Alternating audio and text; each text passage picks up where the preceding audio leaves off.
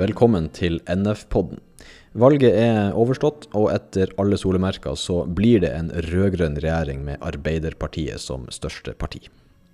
Ja, der er Sverre Myrli transportpolitisk talsperson, og i denne episoden vil vi lære mer om hva vi har i vente fra luftfartspolitikken de neste fire årene. Mm.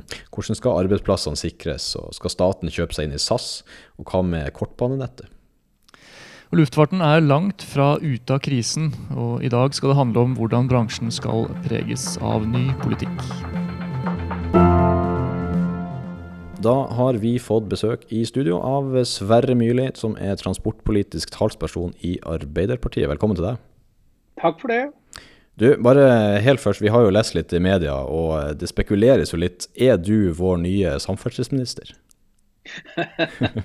ja, det er nok ikke jeg den riktige til å eh, spørre om det. Det er det nok andre som sitter og eh, skal bestemme etter hvert. Så det har jeg et veldig avslappa forhold til. Jeg har vært med så lenge i det gamet her at jeg skjønner at det her er ikke plass til alle som ønsker å sitte rundt kongens bord. Så det får vi ta hvis det noen gang blir aktuelt. og Sjansene for det er vel kanskje ikke så veldig store når en tenker at det kanskje skal sitte et 18-19-20 personer i den regjeringa, og alle de navnene som nå er kasta fram, så burde det vel i hvert fall ha sittet 50-60 i den regjeringa. Så mm. jeg, det, det, er, ikke noe jeg går og tenker på, i hvert fall. Skjønner. Det du kanskje tenker litt på, er jo Du er jo som sagt Du kan jo luft, eller du kan jo samferdselspolitikk, og vi skal jo snakke litt om luftfartspolitikk i dag. Eh, og du er jo, eh, altså da, som vi nevnte, transportpolitisk talperson i det som nå er Norges største parti, og som eh, vel ligger an til å få statsministeren her. Hva er det vi egentlig kan vente fra luftfartspolitikken de neste fire årene? Ja, jeg håper jo virkelig det. Om det er fortsatt uklart hva som nå skjer framover, så er det vel rimelig klart at vi får regjeringsskifte, og at neste statsminister heter Jonas Gahr Støre. og da håper jo jeg at vi generelt sett, for alt som har med transport og samferdsel, også luftfarten, at vi får ei regjering som er mye mer opptatt av det som har med sosial dumping, som vi jo vet er en stor, stor utfordring i transportbransjen. Eh, ganske oppsiktsvekkende syns jo vi at vi i vår behandla Nasjonal transportplan, og der er altså ikke begrepet sosial dumping nevnt i planen i det hele tatt. Eh, og Det vet vi jo at er en stor utfordring både i luftfarten, det er i landtransporten, lastebilnæring, det er i drosjenæringa og mange mange steder innen transportbransjen. Og det er et stort internasjonalt problem, vil jeg si. Transportbransjen er jo naturlig nok eh, en internasjonal eh, bransje. Og vi vet at sosial dumping er svært, svært utbredt. Så det håper jeg virkelig at vi får ei regjering som foretar en storrengjøring i transportbransjen når det gjelder sosial dumping, også i luftfarten. Og så er det klart at uansett regjering framover nå, så er det jo er det jo klima å få ned utslippene fra transportbransjen. Om vi liker det eller ei, det kommer til å bli veldig veldig viktig i åra som kommer. Mm. Jeg tenkte på dette med sosial dumping. Hvordan, hvordan skal man uh, gå i gang med å løse det problemet? Er det ikke mye uh, med fri arbeidskraft inn og ut av EU som gjør det mulig? Jo da, og vi må jo følge de, følge de, forpliktelsene vi har internasjonalt. Og luftfarten er jo veldig veldig internasjonalt regulert, i motsetning til jernbanen f.eks., hvor det er eh, veldig mye nasjonale reguleringer. Luftfarten er jo internasjonal og europeisk regulert. Og sånn må det være. Det er jo eh, alltid et, uh, alt i alt en fordel at det er mest mulig like regler, men det mm. er jo fortsatt mulig å ha nasjonale bestemmelser. Altså, vi trenger jo ikke dra lenger enn til Tyskland eller Frankrike f.eks., hvor en jo klarer å, å kombinere det. Både følge de europeiske reglene, og samtidig ha klare nasjonale regler. Eh, om hjemmebaser for, de, for flygende personale og, og, den type ting. Så erfaringen vår er jo at en i Norge er, har vært altfor lite opptatt av det der. Vært for lite opptatt av å sette krav og standarder vært for lite opptatt av å bruke det regelverket som tross alt eh, finnes. Så det er fullt mulig å ha mye sterkere krav, være mye mer opptatt av bekjempelse av sosial dumping, og samtidig følge de europeiske reglene som vi er en del av. Mm. Opplevde du at den forrige regjeringa var mer kanskje innstilt på å la liksom, markedet og, og passasjerene og alt bare liksom ordne opp i det sjøl, på et vis? Altså, Jeg syns jo det, og jeg syns det var for lite. Altså, Det skjer litt da, for å, for å, heve oss over luftfarten. Eller heve oss over, var ikke riktig å si, men altså ta litt andre bransjer også. da, så er det klart, Lastebilnæringa, altså, det har skjedd litt. Grann, det, det, gjør det, men det er, for, det er for lite. Det er fullt mulig å være strengere. Det er fullt mulig å sette av nye regler, nye krav, nye standarder. Noe så enkelt f.eks. i landtransport transporten så må man gå over til digitale fraktbrev. Det sier jo bransjen og de som har greie på det. Får vi på plass det, så kunne vi få lukt ut mange useriøse aktører. Det mm. burde jo vært innført ganske raskt. Så kan vi ta drosjenæringa, hvor jo regjeringa har gått den motsatte veien. Eh, og Fra 1.11. i fjor så er det jo fullstendig frislipp i drosjenæringa. Du og jeg kan starte nå å kjøre drosje, få drosjeløyve. Vi har, eh, vi har, rett til å få drosjeløyve hvis vi har normal vandel og har en bil som er EU-godkjent. Så de går jo på mange områder helt feil retning. Er rett og slett for lite opptatt av å stille krav. For lite opptatt av å ta, norsk, ta vare på norske bedrifter med norske lønns- og arbeidsvilkår. Og for lite opptatt av kampen mot uh, sosial dumping. Og Det samme i luftfarten. Det er, det er fullt mulig å være tøffere i klypa med de useriøse aktørene i bransjen. Vi skal selvsagt ha konkurranse, eh, men det skal være på like vilkår. og Det skal ikke være sånn at noen skal utnytte systemet, bruke arbeidskraft som er registrert i andre land, fly de til Norge, eh, bo i kummerlige forhold i Norge. Sånn vil vi rett og slett ikke ha det, verken i luftfarten eller i andre bransjer. Eh, og som jeg sa i stad, Vår erfaring er, vi har jo en god kontakt med, med parlamentarikere og kolleger i andre land. Eh, deltar på møter i Brussel og diskuterer dette f.eks. Og vårt inntrykk er at mange, i mange land er mye mer opptatt av dette enn det den regjeringa vi har hatt i Norge nå har vært. Mm. mm okay, ja. Jeg tenker på Hva med befolkningen? Hva slags eh, formening har de om det? Er de opplyste om det? Både jeg og Simen var jo tatt ut i streik i SAS i 2019 og fikk kjenne ekstra på hvor, hvordan vi fikk sympati med resten av befolkningen i den uh, argumentasjonen vi hadde der. Eh, ja, det tror jeg. Det, det, mm. tror jeg Hvis du ser undersøkelser, og sånn, så er jo folk veldig opptatt av det der at det skal være orden og, orden og reda, for å si det sånn. At folk skal ha ordentlige lønns- og arbeidsvilkår. og Det viser vel faktisk en del undersøkelser at folk er interessert i å betale for det. Eh, og Han kan jo tenke seg sjøl. Altså hvis, hvis, hvis, alle begynner å alle skal gå på skal ha billigst mulig tjenester, og du skal fire på krav og ansattes rettigheter og lønn og pensjon og alt det der, der så neste gang så er det ens egen arbeidsplass det går utover. Så vi vil jo egentlig ha, ha ordentlige forhold. Eh, ja, og vi ser jo vi ser jo nå at når det gjelder miljø og klima f.eks., så er det jo etter hvert blitt mer og mer sånn forbrukeren har bruker makta si, etterspør klimavennlige løsninger, etterspør eh, miljøvennlig transport. Og det er klart, Sånn må vi også tenke når det gjelder eh, sosial dumping og lønns- og arbeidsvilkår. At vi rett og slett må vi må både ansvarliggjøre transportkjøperne i større grad, slik at det legges opp til at du bruker de seriøse aktørene. Men det må også være slik at en at forbrukermakta slår inn, og at eh, de mm. som tilbyr tjenester der vi vet at det er orden, at det er ryddig lønns- og arbeidsvilkår, at det er den type bedrifter med ordentlige lønns- og arbeidsvilkår som etterspørres, og som kunden der ute også har mulighet til å velge. Og Hvis vi får til et sånt system som vi har fått til med, med, med miljø og klima, så, så, kunne vi fått gjort også mer når det gjelder kampen mot sosial dumping. Mm. Du, du snakka litt om det i stad, det her med å, med å, importere arbeidskraft. Vi ser jo kanskje et litt praktisk eksempel på det her i, i høst, der eh, den her anbudsruten, den nye anbudsruten mellom Florø og Oslo, eh, som Widerøe fløyet på tidligere, og som nå da ble anbudsrute fra i år.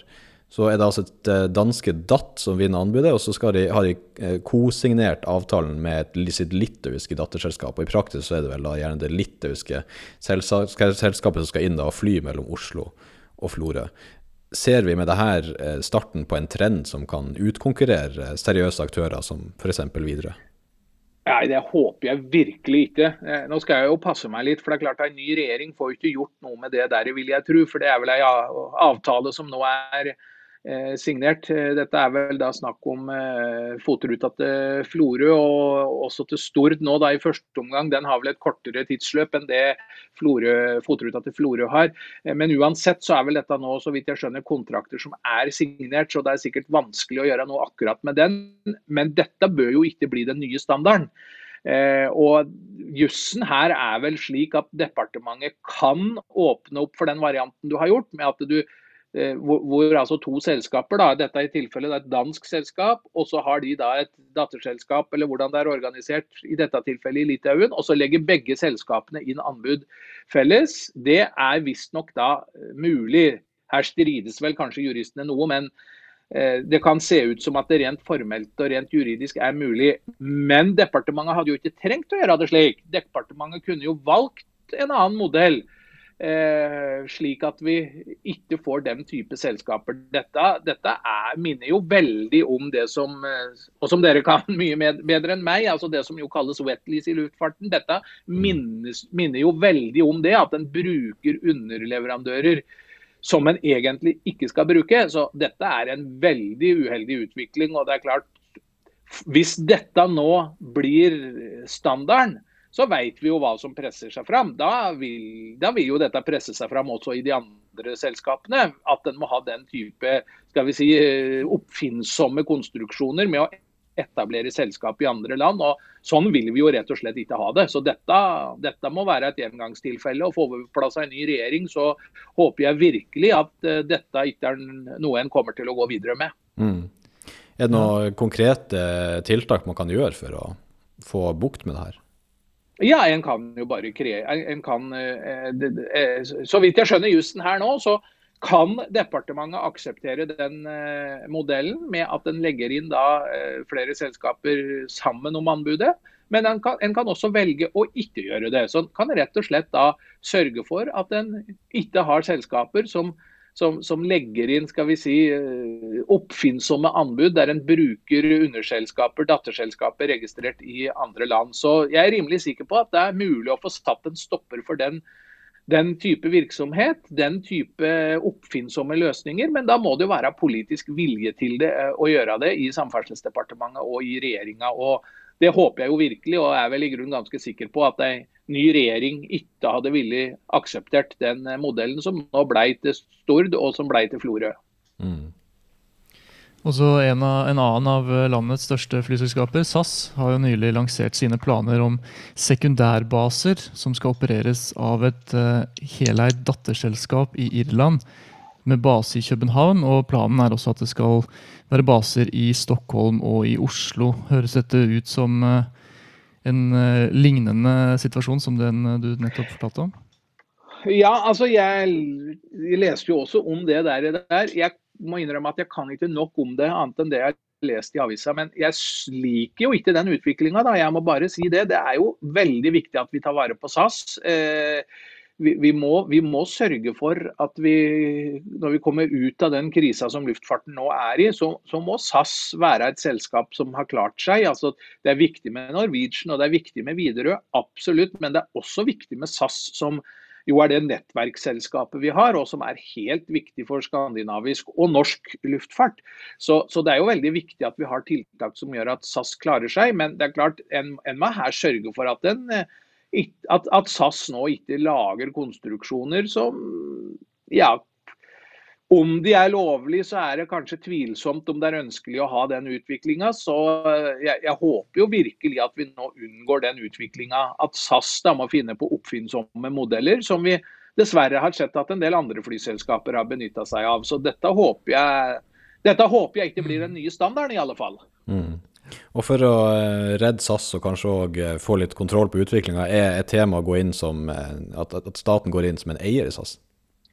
Altså, Det vet jeg jo ikke om er aktuelt. Men det er klart, fra Arbeiderpartiets side så har vi jo ikke noe allergi mot det. Altså, det er riktig å gå inn på eiersida i selskaper noen ganger, og det er ikke riktig andre ganger. Vi har jo et veldig fleksibelt forhold til det. Altså, det, er jo ikke, det, er ikke noe mål i seg sjøl kanskje at staten skal drive og eie flyselskaper, men det er heller ikke et mål om det motsatte. Og Sånn oppfatta vi jo nåværende regjering. Vi hadde jo kontakt med våre partifeller både i Sverige og Danmark, eh, og veit jo at det også på regjeringsnivå var kontakt fra svensk og dansk side til den norske regjeringa om at den ønska igjen et sterkere norsk engasjement i SAS. Men re norske regjeringa hadde jo fullstendig eh, allergi mot det. Altså det, liksom, det var ikke snakk om engang fra fra, fra verken høyre eller venstre, som vi oppfatta det. Så det blei vel i grunn ikke noe diskusjon i det hele tatt. Mens vi har jo sagt fra Arbeiderpartiets side at eh, det er vi åpne for dersom det skulle være aktuelt eh, framover. Og som sagt, det viktigste er jo at vi har et sterkt og offensivt SAS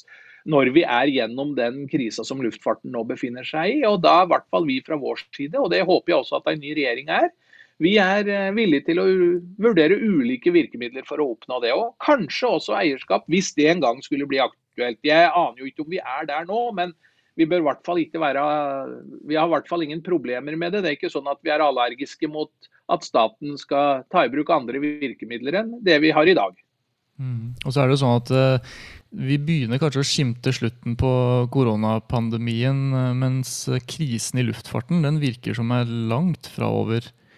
Eh, det, det, ja, den er jo det, og særlig på utenriks, eh, så vidt jeg skjønner. Altså det Innenriksmarkedet i luftfarten, eh, det er fortsatt mye som gjenstår der før den er på nivå mm. før pandemien. Men jeg oppfatter vel at den har kommet lengre i innenriksflyvinga, at det ser bedre ut der. Mens det er jo fortsatt veldig, veldig mye som gjenstår før den er oppe på oppe slik det var før pandemien på, på, utenriks. Så det er klart, her er vi Ja, det, dette, dette, dette, tar lang tid. Og det er jo som du, som du sier, altså en ser jo nesten nå Det er jo noen bransjer som, som går bedre enn de gjorde før, og mange som går så det suser igjen av de som er nedstengt. Mens i luftfarten så det må vi erkjenne. I luftfarten vil dette ta tid før en, før en er tilbake. En hvis en noen gang kommer tilbake til det nivået som var. Men da er det jo også viktig at en har virkemidler og har et avgiftssystem, avgiftssystem som tar høyde for at uh, her tar det faktisk måneder og år før vi, før vi har en luftfart som er bærekraftig og, uh, og, og trygg og drives økonomisk forsvarlig igjen. Mm. Og det her med avgiftspolitikk tar oss jo òg eh, videre i det her som altså klimaspørsmålet, som er liksom det selvfølgelig store spørsmålet for luftfarten de, de kommende årene. Hvordan, eh, ser deg, hvordan, ser du for deg at en avgiftspolitikk kommer til å bli? Kommer det til å bli høyere avgifter, lavere, eller kommer de bare til å være annerledes? Altså, jeg tror det kommer til å bli Avgiftene kommer til å bli annerledes. og Det vil også si at det blir høyere for noen og lavere for andre. Men jeg er jo helt sikker på at løsningen er at vi har mest mulig harmoniserte avgifter med landene rundt oss. Altså mest mulig harmoniserte avgifter med EU. Og da er, ser vi jo alle at det går i retning at det er eh, over på type CO2-avgift. Altså at det er de reelle utslippene dine som det er avgift på. Eh, og Det er jo også en, er også en riktig måte å tenke på hvis en ønsker at eh, en skal ha avgifter som som får ned utslippene. Og Da bør vi jo f.eks. endre den særnorske flypassasjeravgifta, som jo rett og slett bare er ei fiskal avgift, som vi kaller det her på Stortinget. Altså ei avgift bare for å ta inn penger i, statskassa. Det er jo en type avgift som da er veldig skadelig for norsk eh, luftfart, når vi har en, har en sånn spesiell avgift for Norge. Så eh, Løsningen her er eh, mer avgift på utslipp, og så gjør vi da riktig grep sammen med våre europeiske partnere og andre, andre europeiske land og, og, med EU. Og så får vi da vridd, ikke bare innenfor luftfarten, men hele forbruket vårt mest mulig over til forbruk som har mindre utslipp enn det vi, enn det vi har i dag. Mm. Og så står jo luftfarten kanskje overfor et litt sånn paradigmeskifte, kan jeg iallfall håpe, da, innenfor teknologien for å få ned eh, utslippene. Men det her koster jo selvfølgelig det koster jo enorme summer. Klarer man liksom å balansere den avgiften på andre sida, men samtidig stimulere til å ut til eh, det, de kostnadene det er ved å faktisk utvikle ny tek teknologi? da? Ja, det er jo veldig interessant. Jeg må jo si at jeg syns jo luftfarten er veldig langt framme nå. Det er jo veldig interessant å følge med både på det som gjelder elektrifisering av luftfarten, eh, og det som gjelder mer bruk av biodrivstoff i, i, i, i fly med forbrenningsmotor. Og det er jo veldig mye interessant som, som, foregår nå. Og signalene er vel at vi i løpet av noen år eh, har de første elektriske flyene klare for kommersiell drift. Altså at vi kan ha elektriske fly på kortere strekninger. og fly av ikke altfor stor størrelse som, som, kan settes i kommersiell drift. og Det er jo veldig veldig interessant. og Det er klart det er sånn type det er et sånn type tenkning hvor det offentlige myndighetene må spille på lag med næringa og ha et avgiftssystem som, som da eh, stimulerer til og legger til rette for den type overgang da, til elektrisk luftfart som vi her snakker om. Så Det er jo veldig interessant, og veldig interessant det som skjer, eh, skjer på det feltet. Veldig moro å følge med på det som skjer. Mm. Og så er det altså de framover nå Det er jo de, de, to store spørsmålene blir jo kanskje det her med å sikre jobbene i luftfarten, og så er det jo samtidig å sikre en eh, miljøvennlig luftfart. Klarer man å balansere de, eller hva blir det viktigste? Ja, nå er jo eh, nåværende regjering i, gang med å utarbeide en, sånn, en såkalt luftfartsstrategi. Det er jo noe vi fra opposisjonen på Stortinget har påpekt lenge, etter at vi hadde jo luftfartsutvalget som laga NOU-en i sin tid, altså en norsk offentlig utredning. og Da har jo vi etterlyst at den politisk må gå videre og lage en luftfartsstrategi. Det, det godtok jo regjeringa etter hvert, og har nå satt i gang det arbeidet. Det er vel faktisk nå i gang akkurat i disse dager, over aktørene i luftfarten er utfordra fra Samferdselsdepartementet til å komme med innspill. og det er jo et grunn til at vi har vært opptatt av at det skulle lages en sånn strategi, er jo at den har ulike hensyn her som en må veie opp mot hverandre. Luftfarten er veldig veldig viktig i Norge, fordi at landet vårt er skrudd sammen sånn som det er. Altså, vi har daglig rutetrafikk på mange og 40 flyplasser og har fem millioner innbyggere. Det er jo ingen andre land i verden som har det sånn. Mange steder i landet så er jo flyplassen og flyruta er jo det eneste kollektive tilbudet du har. Så luftfarten er jo veldig viktig i Norge. Og så er det mange arbeidsplasser. Eh, og det er jo viktig at vi kan de, ha to tanker i huet samtidig. At vi både skal ha en effektiv luftfart, men vi skal ha norske arbeidsplasser. Og så kommer jo da den tredje dimensjonen inn i dette. Vi skal også kutte utslipp. Så tanken er jo at vi må, vi må ha da en luftfartspolitikk som gjør at vi både kan ta vare på norske arbeidsplasser, bedrifter med norske lønns- og arbeidsvilkår, vi skal ha en godt og effektivt rutetilbud for de reisende, så privatpersoner og næringsliv kommer seg fram.